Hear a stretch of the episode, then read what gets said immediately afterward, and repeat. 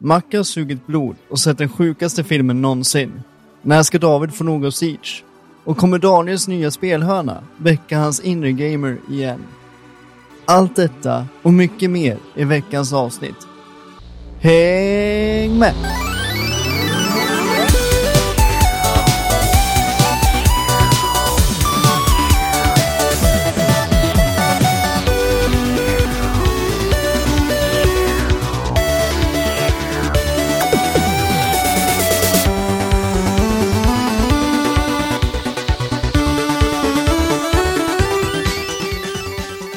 Hej och välkommen till Allt under kontroll, podden där inget är under kontroll och eran källa till nyheter, spelreviews och underhållning. Mitt namn är Daniel Säger Sjöqvist och med mig idag har jag David Sjöqvist och Marcus Karlsson.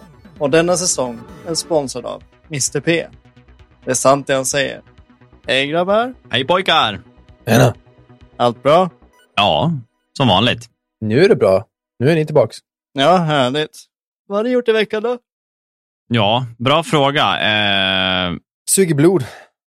ja, precis. Jag har varit lite ledig, men eh, mestadels... Eh, jag har varit ute mycket faktiskt med li- lilltjejen och ja, kvinnan i mitt liv. Mm, jag såg det när ni åkte rutschkana på, på Facebook. Du, du, du och Stina. Ja, såg hon nöjd ut?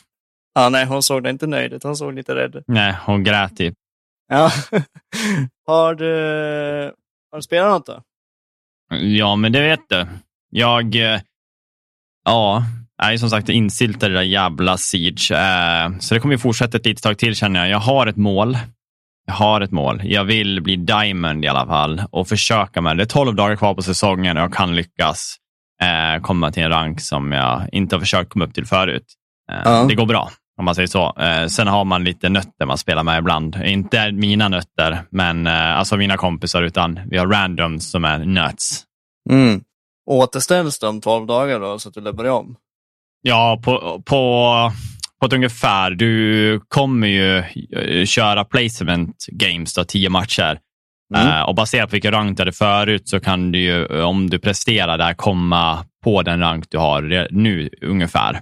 Mm. Eh, och efter placementsen så får man mer MMR, så det kan gå ganska snabbt att komma upp dit jag är nu nästa gång, om, om vi gör bra i placementen. Då. Ja, vad kul. Men eh, utöver det så har jag också kört ett, eh, ett annat spel faktiskt. Som jag har suttit och spelat lite mellanåt matcher och mm, ja, när vi inte haft någonting att göra. Och det är ett perfekt spel för mig. Spelet heter Rogue Legacy 2 av Cellador Games. Mhm. Eh, och det är väl ett roguelike Metroidvania, eh, eller med Metroidvania element i alla fall i kan man väl säga. Eh, du rör dig i ett eh, plattformsspel i ja, 2D side-scroller lite och så. Eh, och eh, du har lite som i, eh, vad heter det spelet? Binding of Isaac. Det är väldigt mycket eh, föremål du kan få tag i eh, såhär, som förändrar outcomen av dina attacker eller magier och sånt där. Då. Och under tiden man går och hittar såna grejer så är de är unika. Då. Eh, och i det här fallet då, så börjar man spela som en knight och eh, man ska ju försöka klara då den här questen av att klara av hela eh, det här slottet man är i då, med random genererade banor kan man väl säga. Då. Så vad nästan när du kommer in så är det inte sig likt utan det är nog någon smart AI som bara flyttar omkring grejerna då, baserat då på Mm. ja, en ny run. Eh, men spelet går väl ut på att försöka klara av alla bossar och klara av hela, eh, hela grejen på en run helt enkelt. Alla banor. Exakt som Binding of Isaac. Men i det här fallet så om du dör så kommer du bli, bli en eh, vad ska man säga, ärftling. Du föds, alltså du är någon i släktet eh, under då, kan man väl säga. Så om den första heter Adolf den första och så dör du, då kan eh, det komma en senare som heter Adolf den andra, för att den är en eh, ja, släkting till den här. Då. Så att eh, varje gång du väljer en karaktär så har de chansen till att få olika attributes. Som har alltid, är det knight så har han ju alltid ett svärd och en sköld. Mm. Eh, sen vilken magi den får är random och vilka traits den får är random. Eh, och traitsen kan ha stor betydelse på vad som kommer liksom hända i in-game. Alltså det kan vara att du blir one-shotad om du blir träffad av någonting. Det kan vara till exempel en gång då, eh, om man är, håller på och om du har lite HP så att säga och så vill du få tillbaka HP, då kan du liksom gå försöka slå sönder items och sånt där, eller föremål på banan och hoppas på att det kommer en liten köttbit. Mm. Och den ger ungefär 30 HP. Så då får man tillbaka en bra chunk av ja, det man har förlorat. Eh, men i det här fallet då, så ska jag bara ta ett exempel på när en trait kan vara dålig. Och det är, jag har runt 28 HP. Så tänker jag, ja men det här är bra. Jag får eh, så att jag kan fortsätta se den här köttbiten. Jag springer mot köttbiten. Jag tar den och jag dör. Eh, på grund av att min gubbe då var vegetarian, så han klarar inte av att äta kött. Så att, eh, då tog jag ju minus 30 HP. Eh, Så jag tänkte inte alls på den här traiten. Jag bara läste i början vegetarian. Men det står, om du inte haft traiten förut, då är den eh, hemlig. Det står inte vad den, vad, vad den gör om man säger så, utan det står bara vegetarian. Eh, och det finns jättemycket traits. Jag känner att varje run jag kör så finns det traits som jag inte ens har sett. Liksom. Eh, och när du dör, eh, lite som Hades får du ta med dig din ekonomi eh, tillbaka till basen. Mm. Där du då kan uppgradera eh, din bas baserat på att låsa upp nya klasser. Eh, jag har väl låst upp kanske sju, åtta olika klasser just nu och det ser ut som det finns mycket fler Eh, som har olika typer av vapen, olika attacks till exempel. Och, ja, sånt där. Så nu, nu har man ju magiker, jag har pilbågsskytt, jag har knight, jag har eh, en, en Valkyrie. Den tycker jag är jättekul att köra faktiskt. Men eh, eh, ja, man låser upp mer och mer och du kan också låsa upp sådana grejer som att få mer HP, du får mer guld, du, får, du betalar typ eh, pengar för att komma tillbaka till slottet eh, via att åka med den här dödssnubben. Eh, och så kan du göra liksom att istället för att alla pengar har kvar betalas så får du eh, lite av eh, såna en tax. Så att eh, 10 procent av det du betalar hamnar i en liksom kassaskåp så du får kvar lite pengar. Mm. Eh, men vilket som, du uppgraderar och försöker liksom bara utveckla din gubbe. Eh, du får nya eh, vad ska man säga, arvtagare hela tiden när du dör som har olika perks då, vilket gör det väldigt roligt. Jag känner att jag har inte blivit uttråkad fast jag har kört samma bana. Alltså jag har inte kommit så jättelång eh, baserat på banor. Eh, jag tror jag var max in på tredje världen. Liksom. Eh, men fortfarande så tycker jag det är lika roligt att springa för att jag vet inte hur det ser ut, jag vet inte hur layouten är. Det är lite svårt, men samtidigt kommer det nya karaktärer för nya banorna. Liksom så här, nya sätt att möta dem på. Liksom att, okay, det är samma eh, typ av föremål, men den gör andra attacker. Eh, Så det är kul. Det är utmanande och eh, jag älskar sådana roguelike-spel. Så att det var ja, handen i handsken för mig. Mm, vad roligt. Och det har du hunnit spela emellan, emellan eh, vad heter det, Siege? Ja. Jajamän, har jag legat i och försökt klämma lite timmar på någonting annat, så jag har någonting att prata om. Men som sagt, eh, någonting jag också vill nämna är att eh, det ser fantastiskt ut. Alltså kollar ni på det grafiska som verkligen lyckas få till en skön, alltså det flyter bra och det ser bra ut. Mm, mm. Eh, har inte kört första spelet, så det, för mig det var det här uh, revolutionary, liksom en känsla som jag, det jag tycker var kul. Och, och det påminner mycket om Hades också. Mm, vad roligt. Det låter vara lite samma princip. Jag spelade mycket första eh, när det kom för många år sedan. Det låter vara som att det är lite samma. Ja, precis. Det var 2013 någonting det släpptes, va? om jag inte missminner mig. Ja, det är ganska gammalt. Eh, så det är nice. Eh, ni då? Någon som vill ta och prata lite? Ja, Macke, vad har du gjort? Vad har du spelat? Vad har du... Eh, Som sagt, jag suger blod, men annars kör jag väl faktiskt, eh, inte på riktigt, i verkliga livet, jag på att säga, men vi är i princip klara med att flytta nu. Vi har ju liksom gjort det pö om pö och inte riktigt, alltså det, det är ändå jobbigt på något sätt att liksom allt, lägga sina lediga dagar på att bara fixa när man Mm. vill hänga. Typ. Men nu är vi i princip klara, förutom kanske en gardinstång och en gardin typ, i köket. Så nu kan vi börja liksom bo på riktigt utan, utan att det ska vara flyttlådor och väskor och skit överallt.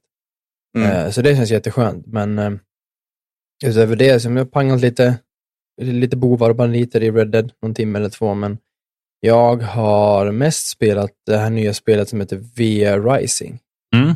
faktiskt. Eh, Ett svensktillverkat spel från eh, Skövde, från Stanlock Studios, precis som eh, vad heter det, Valheim. Mm. Det är någonting med Skövde, någonting i vattnet i Skövde tror jag. De tillverkar fan bra spel.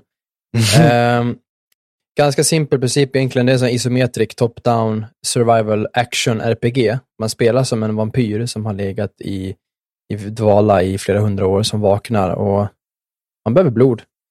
Man ger sig ut på den här världen, vad det nu heter, och, och kan suga blod på från allting. djur och människor och, och monster och ja, allt som har blod, typ. Mm. Och premissen går ut på att du ska bygga ett slott. Eh, och du ska ta över, ta över människor och du ska bli starkare och starkare. Så det finns en väldigt stark survival-element i det. Det är klassiska, du samlar resurser, du bygger en maskin, du bygger en crafting bench, sen bygger du en till maskin så du kan mer avancerade material och sen bygger du en bas och sen bygger du en större bas och så hittar du bättre material, OSV, OSV. Det har man spelat tusen gånger. Men i allt det här så finns det det här action RPG-elementet också. Där du kan bygga din karaktär med olika abilities. Mm. Och de här abilitiesarna får du genom att döda bossar ute i världen som kallas V-blood carriers. Så de har väl samma men, magigen som du har. Så du kan, en bit in i spelet så kan man eh, crafta ett item då som man kan se. Man kan bli ledd av en, en liten blood trail så att, till de specifika monstren som man inte vet var de låser upp riktigt, men man vet vilken level de är, typ. Mm. Än så länge har de varit ganska enkla. Liksom. Det är, de har en, två, tre attacker och man kan, man kan ganska enkelt få ner dem. Uh, speciellt jag, jag spelar med en kompis, vi är två stycken. Och det verkar inte scala så mycket, så det är ju inte än så länge så svårt. Nej, precis. Men då får man då massa abilities. Det är olika, det är unholy och det är frost, det är fire, det är allt vad det är. Man kan, man kan slotta den hur man vill. Man har en, en dodge, man har typ två eller tre abilities och sen har man weapon abilities och så har man en ultimate. Lite så här som LOL, man har fyra, fem abilities typ. Mm. Men är combaten rolig då? Den är rolig. Alltså, så, än så länge har den, jag har, vi har inte kommit så att vi har låst upp så mycket, så vi har ju ganska basic grejer. Liksom, man har någon range-attack och man har någon, någon block typ och så här. Och man, det, det roliga är det lite byggandet, man, man måste bestämma, okej, okay, för det, det, är ändå för oss än så länge, man, är man in, tänker man sig inte för, då är man död. Man, måste Okej. ändå, man kan inte bara button masha och tro att man vinner, utan man måste ändå aktivt eh, slåss när man möter även ibland bara en fiende eller två fiender. Vad roligt. Faktiskt. Så det är liksom inte som Minecraft, du kan gå ut och bara button masha zombies och så är de döda, utan här lär man fundera lite. Ja. Och det är alltid det här att tänka, att behö- ska, jag- ska jag gå offensivt och ha två offensiva attacker? Ska jag ha typ en offensiv range så jag kan poka och ska jag ha en block? Eller vad, så här, vad ska jag ha? Eller ska jag ha en buff? Eller, det tycker jag är jävligt roligt. Ehm, en stor aspekt av det är ju blodsugandet också, som jag tycker är jävligt cool. Dels så, så har du en, en blodmätare som alltid tickar. Okej. Mm. Eh, och vad kan timern vara? 25-30 minuter kanske, eh, från fullt till tomt. Mm. Eh, blir den tom så dör du. Så i allt som händer, att du utforskar och du och bygger och samlar material, så måste du också leta blod. Och Det finns olika blodtyper för vad du suger blod ifrån. Så ett djur har en blodtyp och en warrior och en rogue och en magician har olika blodtyper. Och beroende på kvaliteten på blodet, som går från 0 till 100 procent, så låser du upp olika perks. Oj. Mm. Så ja, men ta creature, ganska basic, mellan så här 5 och 10 procent, då får du lite bättre movement speed. Men mellan 15 och 30 procent, då kanske du- då får du lite mer HP, typ. Medan en warrior gör mer skada och har lite lifestyle, typ, på de här olika tiersen, så kan man se exakt då vad man får. Um, och det gör också att man kan ju, man kan ju bygga. Så säger jag som kanske bygger lite med melee och min kompis som kör lite mer range, jag vill ju söka mig efter de här eh, fienderna som har melee-baserade men melee-baserat blod som verkar vara helt random för att typ, man kan hitta en låglevlad fiende som har 100% blod fast en höglevlad fiende har 2% blod. Men i alla fall, det blir så här, man blir desperat efter ett tag för jag, det är jättelätt känner jag bara bli lost i vad man gör. Lite som eh, sen när, man spel, när vi spelar Elden Ring. Man bara försvinner och helt plötsligt har det gått två timmar typ. Mm. För det, det är verkligen den känslan. Men så, så, så får man panik. Shit, jag har en liter blod kvar om fem minuter. Eh, då kommer jag dö om jag inte hittar någonting. Då måste man ju så här, ibland måste man överge sin hundraprocentiga buff för att kanske bara få blod och inte dö. Mm. Man får inte vara så kräsen vem man suger av helt enkelt. Exakt.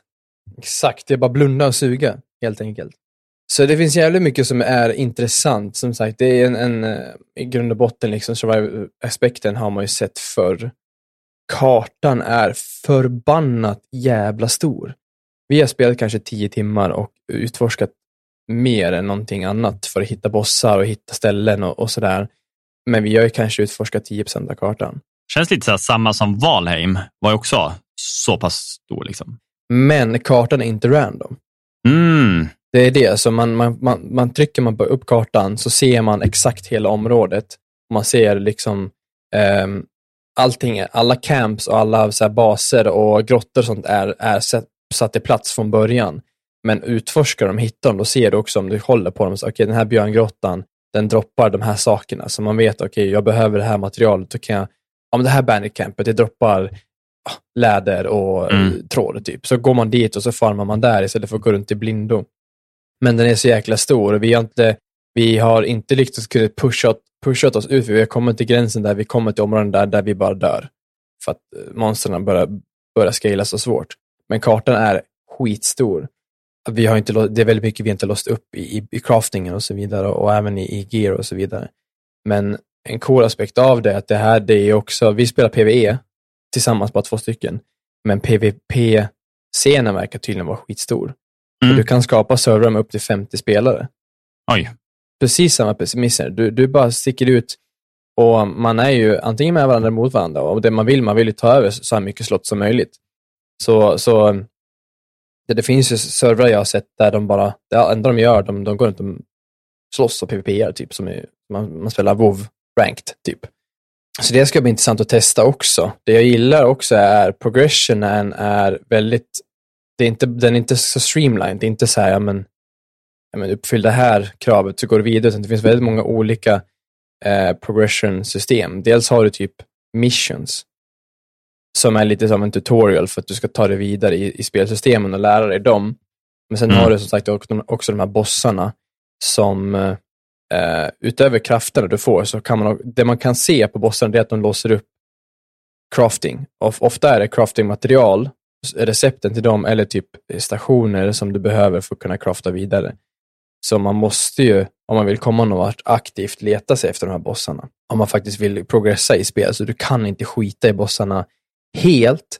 Men så här, man kan köra det här, vill man bara göra the bare minimum och inte så intresserad av typ min max och sådär, då kan man ju bara köra den här main storyn eller tutorial eller vad man ska kalla det för, för att låsa upp det man behöver. Mm. Men sen kan man också utforska och hitta material som så i sin tur låser upp, eh, låser upp saker och hemligheter och så vidare. Men du nämnde tidigare om en eh, typ ta över människor. Pratar vi om slavar då, eller är det? Ja, precis. Så man, eh, en, en, av en viss boss så låser man upp eller av en viss eh, quest så låser man upp en ability som gör att man kan ta över människor. Mm. Mm. Och det enda vi kan göra så länge det är att man, vi kan ta över en människa, eller en, hum, en human, då, då kommer de börja följa efter oss. Så det vi kan göra då är att vi har byggt en servant coffin, en kista, och då sätter vi dem i den kistan. Efter en tid då, då blir de eh, vår tjänare. Och beroende på vilken typ av person vi har tagit över, då, som i det fallet, den enda vi har tagit över, det är en warrior. Den han kan göra då, när han är då färdig transformerad till en tjänare, det är att han är typ en vakt i vårt slott. Så han roamar runt vårt slott och vaktar. Än, än så länge har inte vi blivit attackerade, men jag vet att det kommer typ Templars och Vampire Hunters och sånt längre fram i spelet som är ute efter att döda oss. Ja, vad roligt. Faktiskt. Och, men jag vet att man kan också väl då, om man tar över typ en vanlig human eller en worker eller någonting, då, då tror jag att de kommer kunna hjälpa dig att crafta saker och hålla typ slottet igång. Lite likt Conan.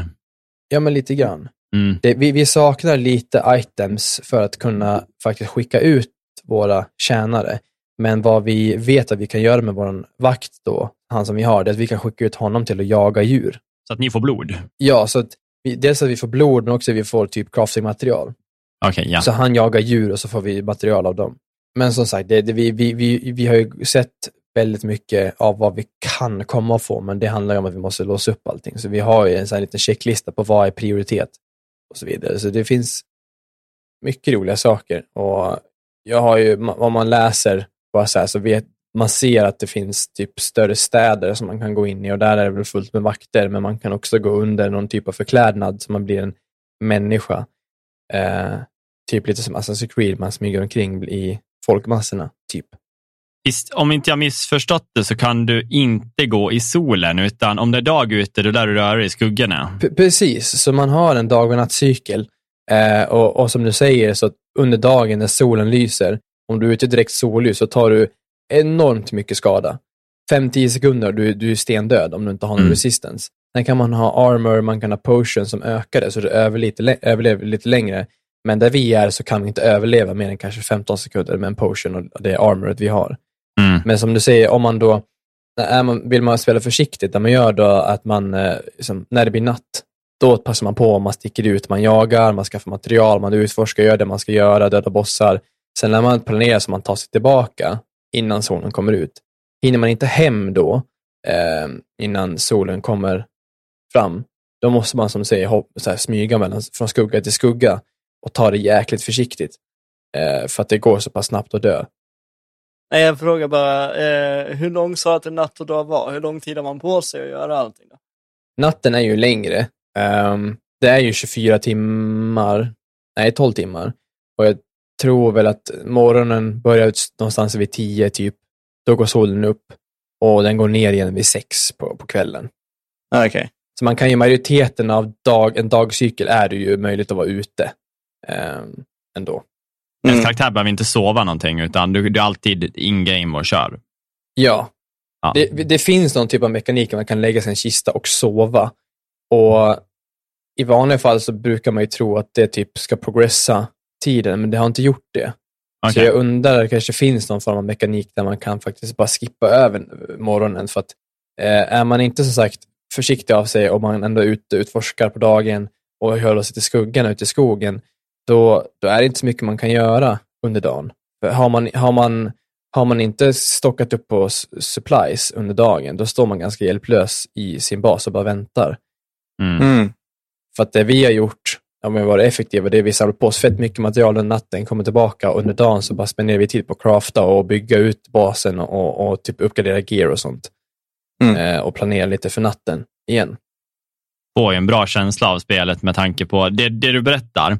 Eh, så får jag liksom det här att det finns ett väldigt djup i det och även att combaten då verkar finnas mycket att göra, Mm. gå olika vägar, det är ju hur roligt som helst. Verkligen. Och det är inte, inte så här, alltså kombaten också, den är ju, det, det är inte bara, man måste bygga som sagt, vissa vapen gör ju bättre skada på an, vissa, vissa typer av mobs och så vidare, så man behöver, även fast man vill köra svärd, så måste man typ ha med sig ett spjut också, för det är mer skada på, på djur. Mm. Eh, så man måste tänka, som sagt, man måste tänka efter mer än att bara buttonmasha ett svärd, för att det funkar inte eh, ändå. För att, I alla fall, igen, väl ganska tidigt in så är det ändå ganska svårt. Ja, jag får känslan av liksom att Valheim var ett väldigt bra insteg för folk som inte har spelat sådana här spel förut. Och så Ja. kommer det här som verkar ta det till en ny nivå. Men det, det sjuka är så att vi har bara spelat drygt tio timmar, har väl kanske bara, vad vi tror, skrapat på ytan. Det, Mm. det, det som är sjukt är att det här är ju bara early access. Ja, Det här kom ut för en vecka sedan i early access, men bara på typ tre dagar så hade de ju sålt en halv miljon exemplar. mm. Eh, och det var ju precis som Valheim, de sålde ju en, en miljon på en vecka eller något sånt där. Så det här verkar ju få samma succé. Frågan är ju om de håller i det, för att lite det som är synd med Valheim, det är att de har ju tappat det lite grann. ja. De lovar ju väldigt mycket och hade lagt upp en roadmap för vad som skulle hända första året och det har ju inte släppts, ja, det har släppts en ny expansion, men sen har det ju varit typ ett, ett år, ett och ett halvt år sedan, sedan det faktiskt hände någonting med Valheim. Mm, mm. Mm. Det är därför det är bra med det här spelet, att det tillåter PVP. Då stannar ju folk för den, den delen också, liksom, att det är aktivt. Precis, ja, och det, jag, jag tror, det, eller jag har sett av PVP på internet, det är att det, det ter sig väldigt likt typ eh, Rust. Det Mm. finns inga regler. Liksom. Det, du, du kan bara ta, du, har du bomber, då kan du springa och mörsa ner någons bas när de inte är där, och ta, eller ta över den när de inte är där. Och då kan inte de göra så mycket, då är det bara att börja om. Men för att Mm. kartan är så stor eh, så kan du ju börja om lite var som helst. Så jag tror som du säger, PVP-scenen kommer nog vara större än PVE-scenen. För jag, jag tror att vi har en jättefördel att vi ändå tillsammans. Mm. Man klarar sig själv, men det är bra mycket enklare att ta sig an bossar tillsammans. För då kan man passa aggro mellan varandra. Om den andra håller på att dör eller, eller sådär. Ja. Hur- Är det gemensam sparfil eller är det en av er som lär aktivt köra igång servern? Eh, just nu så kör vi på min värld kan man säga. Så jag måste starta världen eh, innan Hampus kan gå in och Ja. spela. Ehm, och det som är lite störigt är att i efterhand så kan jag inte ändra hur många spelare som kan vara med, hur många klaner som kan vara med. Klaner är ju då teams kan man säga. Mm. Så skulle, säg, ni två vilja komma in och spela, då måste vi börja om. Men däremot så kan man för typ en hundring i månaden tror jag, hyra dedikerade servrar av företaget själva då, som de har eh, liksom sagt, det här, det här är bra servrar. Och då var det typ tio spelare för hundra spänn, så det är ju ganska rimligt om man delar på det. Ja, Mm. är man ett gäng så är det ju ingen summa alls egentligen. Nej. Så vi skulle ju kunna få hela Discord-servern och, och sitta och spela där om vi vill. Och, Ja, det tror jag skulle vara skitkul, PVP eller inte, liksom att bara tillsammans. Man behöver ju inte vara tillsammans. Är man tio pers så kan man ju gå åt helt olika håll, Mm. bygga en varsin, ett varsitt slott och sen göra det man vill. Liksom. Nej, men kul. Då är det här fullt upp. Då ja, det låter kul. Mm. Ja, och det är ju inte över än kan jag säga. Jag har sett kanske den sjukaste filmen i mitt liv. Uh, och den heter Everywhere, Everything Everywhere All at Once. Och den är ganska, har nyligen kommit på bio. Jag har väl, jag visste ingenting om den. Det var bara min kompis som sa, du ska med på bio? Den här är sjuk, har jag hört. Så jag gick dit. Och den var sjuk. Helt crazy. Det, alltså kortfattat, det handlar om multiversum. Och det är en, en väldigt banal, simpel kvinna som hennes man, hennes då multiver, hans multiversum-version tar över hennes mans kropp och säger att hela världen är i fara, bla bla bla, och det spårar ut totalt.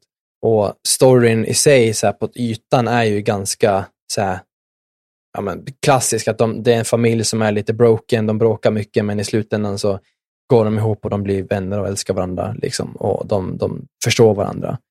Men vad som händer från, från, från början till slut, det, det är så crazy, men man, det, går, det går typ inte att förklara, för att, för att det som händer, det är så spejsat. Jag, jag tror att de som har gjort filmen har ju gått på, på alla psykedeliska droger man kan, för att det, som tar en fight-scen, för att, för att hela premissen med att de här de hoppar mellan universum, det måste triggas av en konstig händelse. Så ju lägre probabilitet att det, du, din personlighet skulle göra det, ju högre chans att du kan hoppa mellan universum, eh, kort och gott. Okej. Mm. Så i en fight-scen där huvudpersonen ska slåss mot två snubbar, där, för att de då, eh, de här karaktärerna behöver hämta eh, fighting-kunskaper från ett, ett, eh, ett alias, ett annat universum, då behöver de ju skapa en händelse.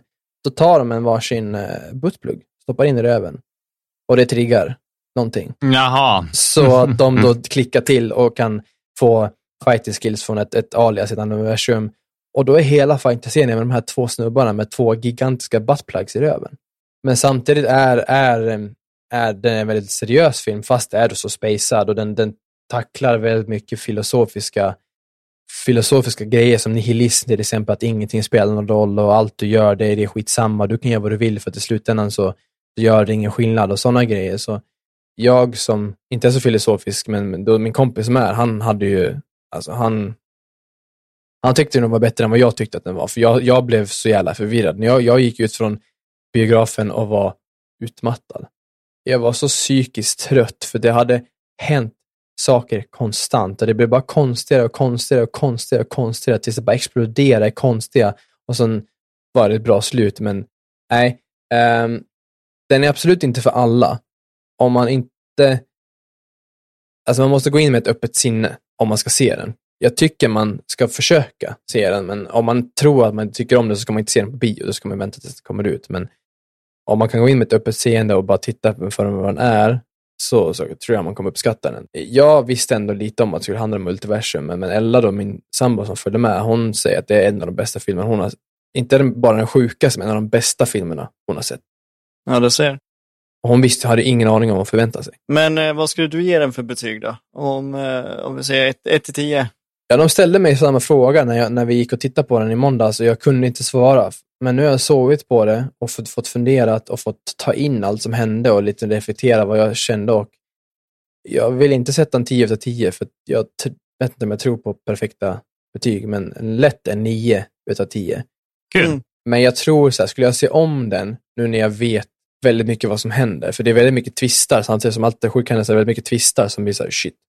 Så, men då samtidigt hade jag kunnat kanske analysera den och sett den på en, en annan form av njutning. För då blev, det var ju bara chock rakt igenom. Nu när jag vet vad som händer kanske man faktiskt kan titta på filmen och, och, och mera se se den för sin story. Men lätt en nia. Så trots din psykiska utmattning, din förvirring, så får den ändå en nia. Det är ganska bra. Jo, nej men verkligen. Alltså, du vet, om man går in och kollar på det cinematiska du vet, film, filmandet, ljuset, skådespeleriet, det var ju top notch, verkligen. Men är, är det några kändisar, alltså är det någon så här uh, trippel A-kändisar tänkte jag säga, men vilka är det som spelar? Ett trippel A? Ja, det är, alltså, jag kommer inte ihåg vad hon heter, men huvudpersonen, kvinnan som, som eh, ja, huvudpersonen, då, den här kvinnan, hon är känd. Jag kände igen henne direkt. Hon har varit med i Marvel-filmer och tusen andra filmer. Liksom. Mm, mm. Och sen vet jag att typ Jamie Lee Curtis är med och spelar en stor roll. Och hon är ju visserligen ganska gammal, men hon är också en A-kändis, eller har varit en A-kändis i alla fall. Ja. Sen är det för mig väldigt mycket okända skådespelare. Men som sagt, de, de gjorde ett fenomenalt jobb allihopa, tycker jag. Jag Ja, trodde ju det skulle bara vara en flummig komedi och så blev jag helt, som sagt, ifrågasatte meningen med livet. Sprang ut och körde in en buttplug och bara nu. Ja, men lite så. Jag tänkte, nu kan du hoppa jag, nu hoppar jag. Nej, David, det där triggas bara av någonting som är ovanligt att man gör. Det där, du vet. ja, just det. Men då var det för Macka var kvar. Nej, det är väl det jag har gjort. Eh, kort sagt, tänkte jag säga. Du då David? Daniel menar jag. Jag får faktiskt fatta mig kort att jag har inte gjort någonting sen vi pratade sist, känns det som. Eh, förutom att vara ute, vara på gymmet och liksom träna så har jag inte spelat så mycket. Eller kolla på någonting. Jag, har, eh, jag pratade med David om det här om dagen att jag slutade spela mina konsoler när de var ikopplade i tvn i vardagsrummet. Men nu har, jag, nu har jag kopplat in dem i mitt spelrum, min lilla skrubb. Då spelar jag igen. Jag tror, jag vet inte vad det där sitter i, men jag spelade inte när den satt i tvn. Men däremot har jag kopplat in det i mitt spelrum och här vet jag att här sitter jag och spelar, så därför känns det kanske enklare att sitta och spela här inne. Men det är kanske för att det blir mer gaming mode än att sitta i soffan där man kanske kollar Netflix eller bara chillar. Ja, men jag skulle nästan kunna tänka mig det, att det är liksom, att här sitter jag för att jag vill spela eller liknande. Men du har ingen PC nu va, som du spelar på, utan du har bara dina konsoler? Jag har mitt Xbox och jag har mitt Playstation. Mm. Och så har jag switchet i vardagsrummet då, men eh, Xboxet och Playstation är ju, Det är allt man, har du både också, det är allt man behöver ju. ja, Faktiskt. det är ju det. och så får man ju, eh, och så har man ju Game Pass som vi alltid nämner. Så att jag har ju egentligen alla spel jag behöver. Plus att nästa månad så släpps ju Playstation med sin, sin prenumerationstjänst. Mm. Mm. Och då har jag spel där också, om jag bara betalar den lilla summan. Du behöver ju aldrig gå ut i sommar ju. Nej, Nej, men det, det är faktiskt jättebra. Men jag har upptäckt att jag spelade inte mycket alls när jag hade konsolerna i tvn. Utan ja, det blev nu när jag kopplade in de här att jag faktiskt startade ett spel. Så det enda jag liksom har spelat är lite, lite Forza bara för att koppla av och åka lite bil och köra runt i, i stan. Liksom. Eller i världen. Ja. Eh, men det är mest för avkopplingen skull. Annars har jag varit på gymmet, träna och så vidare. Jag är lite mer kortfattad än vad, än vad ni två är, Mm. men det är vad jag har gjort. ja, men över till nyheter då. Favoritsegmentet. Det finns ju som sagt ett spel som eh, jag har pratat om förut och en av mina favoritspel från eh, mina yngre tider. Jag tror det är bland de första avsnitten när vi pratade om ett spel som liksom förändrade eh, ens syn på spel eller fick en av det mest uppskattade spelet man har spelat tidigare.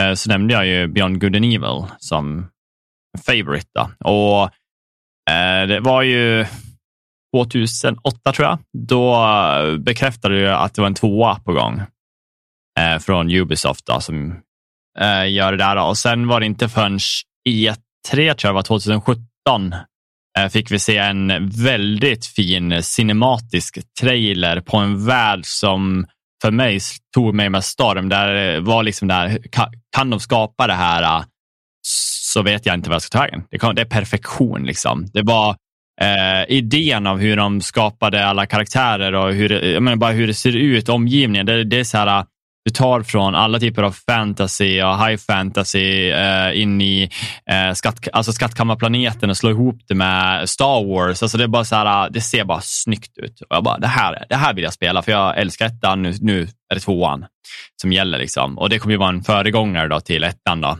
även fast det heter Beyond Good and Evil 2. Eh, men sen 2017 är det liksom, det, det var det tyst.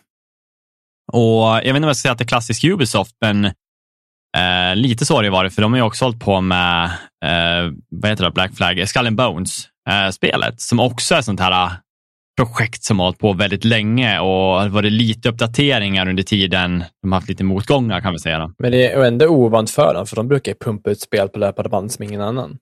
Precis.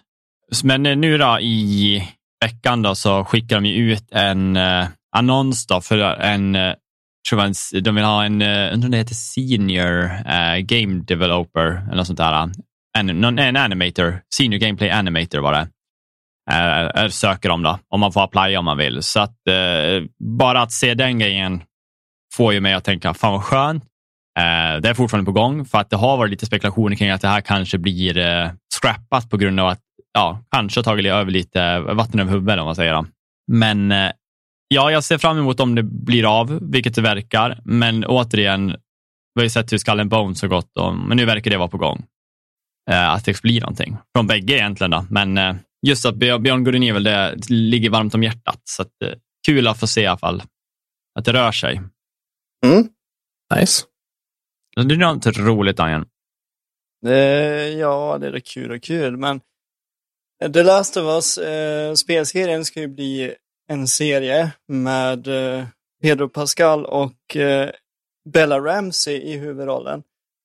Och eh, den skulle ju komma nu i år e-, egentligen, var det snack om i alla fall. Men nu har de bekräftat att det kommer komma förmodligen i början på nästa år. Eller de bekräftar ingenting, men det är vad de tror, att den kommer komma i, i första kvartalet nästa år.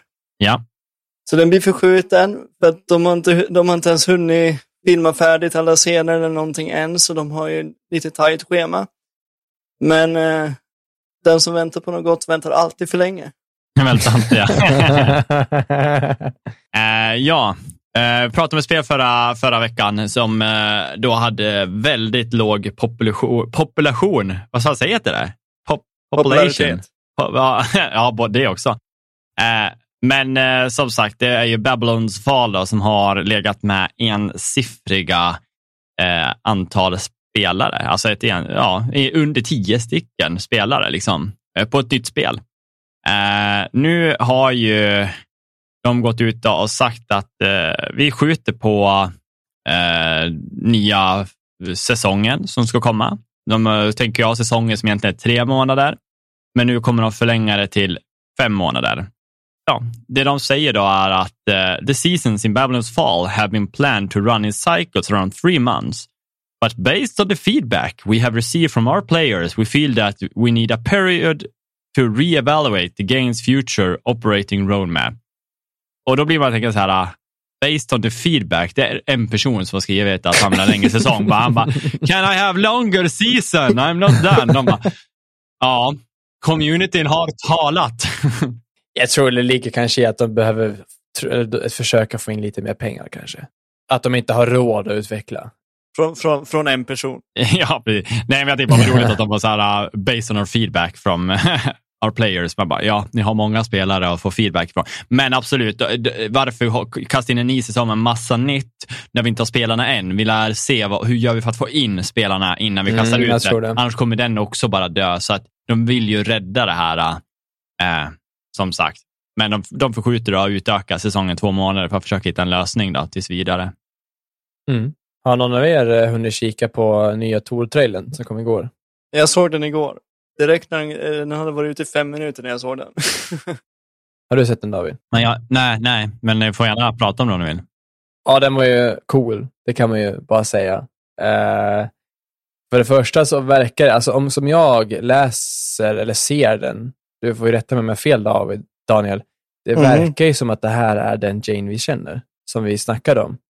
Precis. Vi trodde att det var en multiversum Jane, men de säger någonting i stil med how long has it been sen, så här, sen vi sen, senast träffades. Mm. Ja. Så det verkar ju vara Jane. Och då är ju frågan, vad fan har hon haft för sig att lyckas bli en Tor i ett annat universum? Ja, precis. Det lämnade jag väl sist när vi pratade om det, att det var ju någonting från serietidningen, att hon, hade, hon fick ju cancer och legat för treatment. Det var någonting där. Men jag vet inte vad det är som gjorde att hon vart det. Men just att hon därför hon varit borta om jag förstod rätt.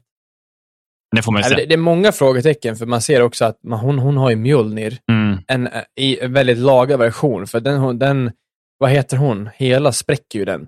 Ja. Och det här ser ut att vara samma, fast typ lagad med lim, typ superlim. ja, precis. Sen får man ju också se, eh, vad heter han, Gorr. The Thun God Butcher. The God Killer Butcher. Eller God Killer. God ja. Butcher. Han eh, ser jävligt läskig ut. Ehm, jag vet väldigt lite om honom, men jag läste ju lite på. Han är ju typ, han är ju så pass stark så han kan, han fick ju i någon version Tor att tappa, tappa, tappa tron på sig själv, typ, så han inte längre var värdig för Mjolnir Nej. eh, i, i någon version. Så han, och hans enda mål är att döda alla gudar. Ja. Ska jag vara ärlig så tror jag att det här är Chris Hemsworths sista film. Det Mhm. har, har, har han tekniskt sett gått ut och sagt. Eh, I alla fall hans egna e- ensamstående film. Ja, För han är väl med i Guardians 3, va? Ja, jag tror faktiskt att han kommer dö i den här filmen. Okej. Tror jag- Det, vad jag, det jag tror. Det är min, min personliga tanke. Det vore en intressant väg att gå. För att, men, men det, är liksom, det lilla jag vet om Gorr är ju att han, han skulle ju kunna vara en, en, en, en eh, fiende som sträcker sig längre än en film. Mm. Ja, För han har ju inte bara haft med Tor att göra, han har haft med andra eh, superhjältar att göra också. Det vore ju en väldigt intressant väg att gå, att de faktiskt dödar av Tor och han får ett slut. Eh, Precis. Med tanke på hur de ändå håller på att förnya lite Avengers och det kommer, alltså i slutändan tror jag inte att det kommer finnas någon original kvar, typ. nej. Mycket möjligt. Visst är det Christian Bale som spelar? Ja. Ja, jag tror ju att tar man in en sån här jävla heavy hitter, då kommer han in- vara mer än en film. Det tror jag. Ja, och han är ju en sån jäkla method actor också, så Ja. jag tror han kommer vara riktigt creepy. Ja, Man fick ju också se en snabb look på Russell Crowe också, som eh, Zeus. Ja, Ja, han passar det. som det faktiskt. Ja, Nej, men jag tror i alla fall att det här är... För att Tor har liksom förlorat allt. Han har förlorat sitt hem, han har förlorat sin bror, han har förlorat sin bästa vän. Eh, och det här liksom att eh, nu hittar han Jane igen och Jane kommer säkert hamna i fara, tänker jag. Och då kommer han göra allt han kan, inklusive offra sitt liv för, sitt, för att se till att hon lever. ni hörde det först här. På allt under kontroll. Eh, jag såg ju en liten trailer jag också. Och det har ju kommit ut med Lord of the Rings, Gollum, har ju kommit ut med både en cinematic trailer men även lite gameplay footage. Eh, cinematic trailern ser ju väldigt intressant ut. Alltså, du kommer ju verkligen lurka i skuggorna och jag tror det kommer vara mycket pussel och försöka hitta lösningar där du eh, fysiskt då, slår ner vakter lite ja, stealthy. Liksom. Du, du är ju inte stark till att vara smart. Liksom. Eh, men sen efter jag såg det så satt jag och strosade runt lite och varit nyfiken på mer. Cinematic trailer säger egentligen ingenting. Alltså så här hur det grafiska kommer vara i spelet. För att man får se in-game footage eller in-game material. Då. Uh, men footagen, jag vet ju inte om det är från en dålig källa eller eh, vad det är för att det var inte så snyggt. Ska jag säga. Uh, men det kan ju vara när de släpper riktigt gameplay footage, alltså i videoformat och man kan slå på liksom 40p på YouTube och kolla så kanske eh, få en helt annan känsla. Men det känns bara så, här, så blurrigt och ja, Vet man när det utspelar sig? Har han ringen? Har han inte ringen? Är det innan han har blivit av med ringen eller efter? Eller vet man någonting sånt? den eh, ska ju spela sig mellan Hobbit och Härskaringen. Eh, Ah, Okej, ja, så då har han ringen då. precis. Mm, ja, det borde han ju ha. Ja. Eh, Så att det- man, får väl se eh, liksom hur det går. Men det, det, det är ändå intressant. Jag tycker att det är ett intressant spel. Ett spel som jag inte har några förhoppningar på alls sen de la ut det. Det var den mest konstiga karaktären. Jag hade hellre mycket, jag hade velat spela typ en egen standalone med typ Legolas. Där, där var det så mycket coolare. Liksom.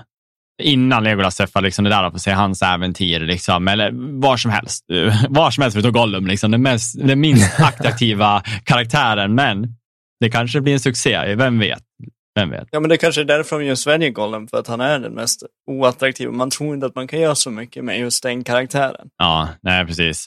Eh, men liksom, det här kommer då släppas också, kommer det släppdatum 1 september, så det är inte jättelångt bort. Eh, Okej. lite roligt faktiskt. Uh, vet inte om det är sådär spel man springer och köper första dagen. Jag kommer nog vara Aha. lite aktsam, kolla nog lite streams bara för att få viben av det, men inte spoila för mycket. Eh, eller läsa bara reviews, det brukar ju vara ganska... Men jag tycker ibland inte om reviews, ibland vill jag se en streamer jag tror på spelare, där jag kan se hans eh, ja, men vad ska jag säga, hans initiativa intryck, alltså direkt. Liksom. Eh, jag kan känna att ibland när man får en review eller någonting så känns det som att de kan vara nästan köpta eh, reviews. Man har svårt. Ja, men många gånger så följer man ju streamers som man själv kan eh, alltså, relatera till och kanske som spelar och tycker samma, Samma som spel, en Ja. själv. Ja, exakt. Och då, som du säger, då kan man få mer rättvis bild av det om, om du skulle gilla det. Mm. Då köper jag det, så streamar jag på allt under kontroll så kan du få min ärliga åsikt. Thank you. Thank you. Tanke. Nej, jag har faktiskt inga mer nyheter. Det, det var lite Det var lite tunt. tunt, ja. Eh, det fanns en grej som jag faktiskt skulle kunna diskutera lite dock.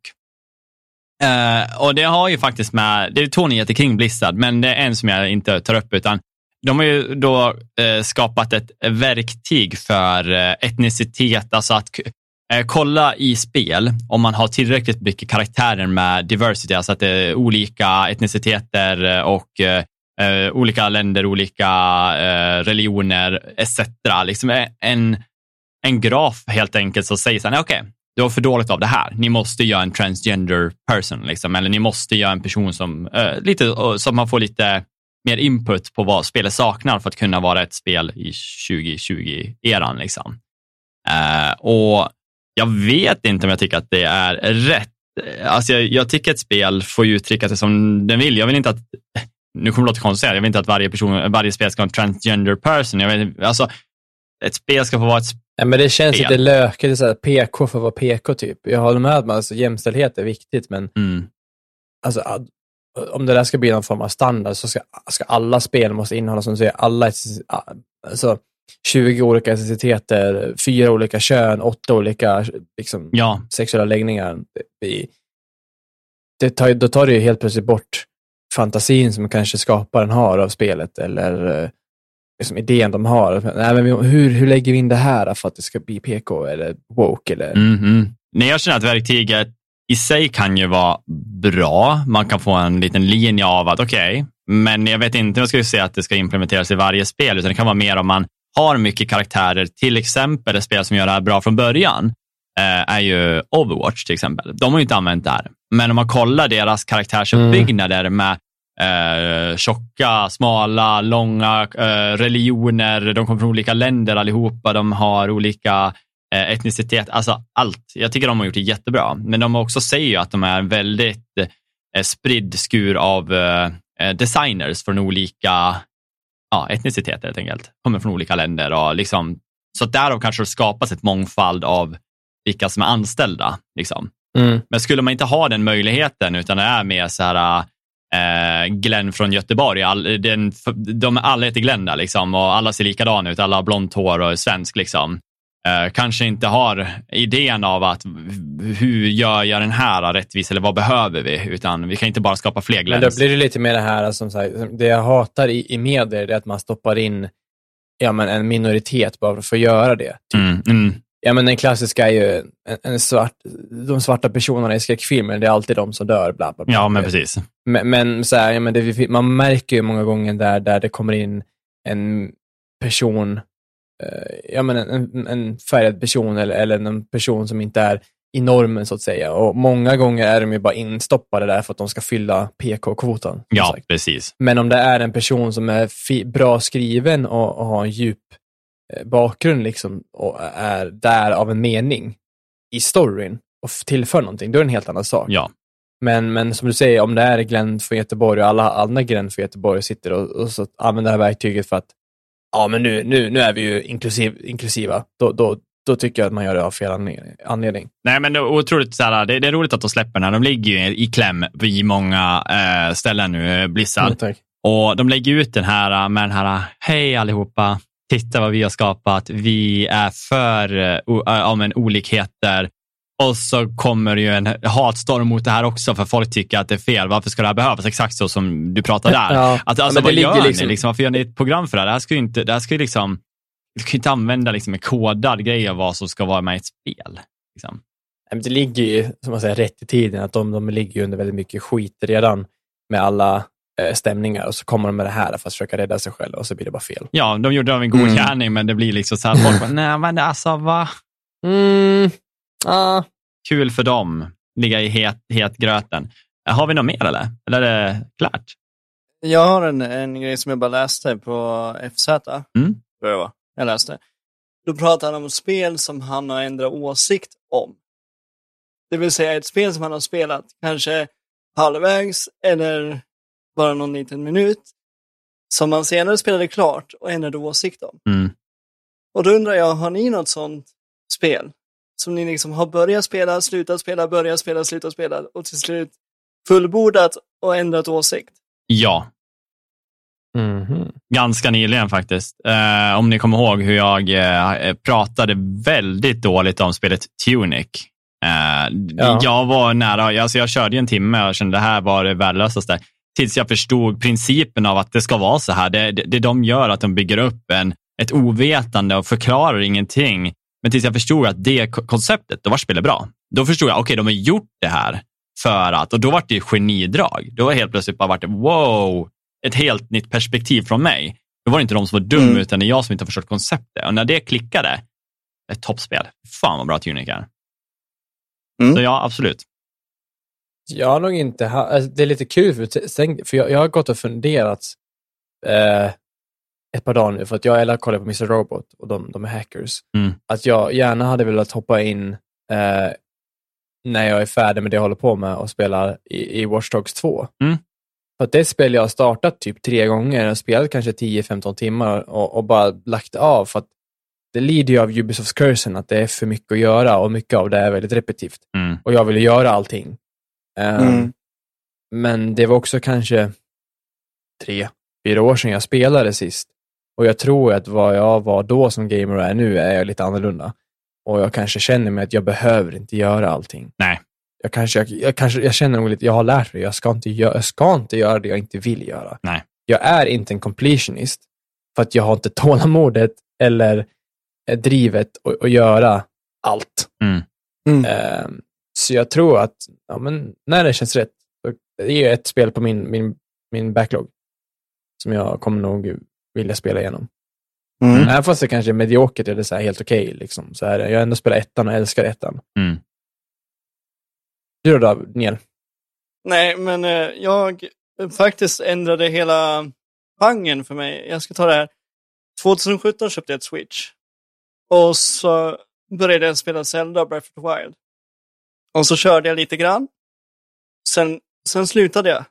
Och så tog jag upp det någon, några veckor, någon månad senare igen. Och så spelade jag lite grann. Jag tog mig liksom inte förbi tröskeln. För, för mig då så kändes det inte som ett Zelda-spel, för det var för mycket att göra. Det var för mycket, vad ska man säga, det var för mycket RPG, kanske man ska säga, eh, åt det hållet. Och för lite Zelda. Men eh, jag började, och så var världen för stor och det fanns för mycket grejer att göra. För ett Zelda-spel för mig har ändå varit lite straight forward med lite så här pussel längs vägen bara. Mm. Men här kunde du liksom gå vart du ville, göra vad du ville. Du behövde inte ta, ta saker i en viss ordning och det blev lite för mycket för mig.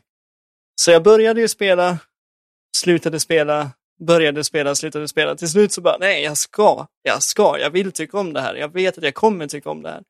Så då satte jag mig en hel, en hel vecka och bara körde Zelda. Och till slut så älskade jag spelet.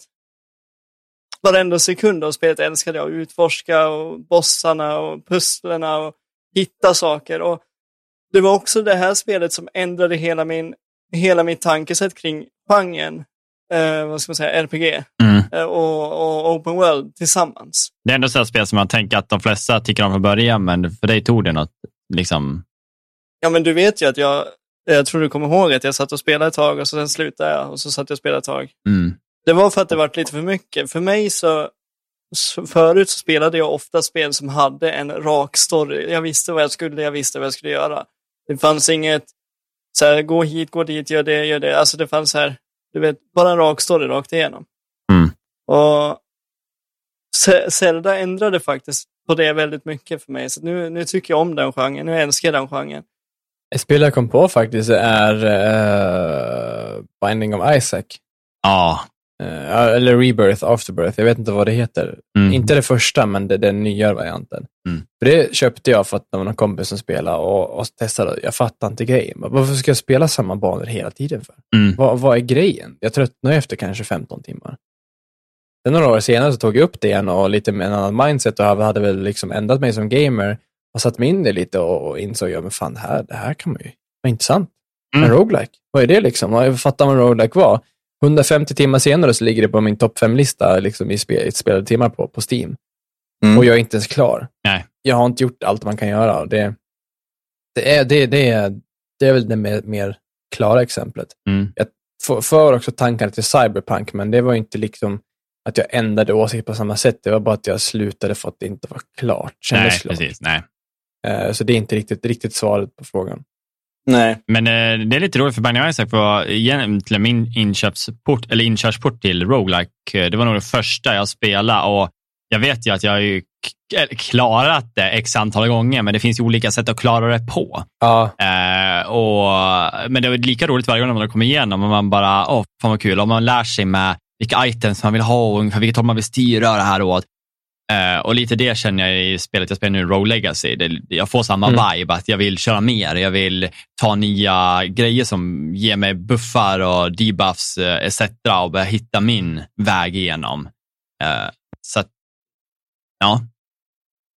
Roguelikes, I love. No. Nej, en bra fråga. Ja, jag tyckte också det. Det var därför jag tänkte att jag tar med den. Och det är samma sak med, med Eldering. Jag har ju aldrig tyckt om, jag har, jag har inte ens gett dem en chans, Dark Souls och, och de där. Utan, men eh, Eldering tycker jag om, så det måste också klassas in där någonstans att jag ändrade upp åsikt. ja. Ja. men det tänkte jag faktiskt säga, att det måste för dig vara ett sånt spel. Mm. Ja, fak- faktiskt. För att jag, nu, nu har jag lust, när jag spelar Elden Ring x antal timmar, jag ligger ju inte på så höga timmar, men eh, i den mån jag har spelat så har jag älskat varje sekund. Och det har också fått mig att, okej, det kanske inte är, det är svårt, men det kanske inte är så svårt så att jag tror att jag inte kan klara av det. Nej, precis. Så då kanske, då kanske jag kan gå till, gå till Dark Souls, Dark Souls 2, Dark Souls 3. Ja, men för din del som inte är eh, så att säga, van och har spelat Dark Souls innan, jag tror Elden Ring är en bättre inkörsport för att det är mer tillgängligt. Mm. Och man, kan Ja. spela, man kan göra det väldigt enkelt om man vill, eller göra det helt okej, eller göra det väldigt svårt. Ja. Nej, men ska vi runda där då? Ja, det tycker jag.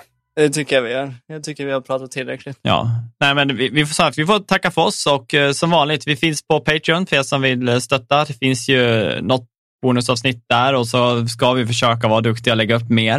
Eh, och utöver det så vi- vill man inte stötta med pengar, om man inte har det så finns det chanser att ja, gå in på eran, eh, vad ska man säga, den är, lista på podden helt enkelt.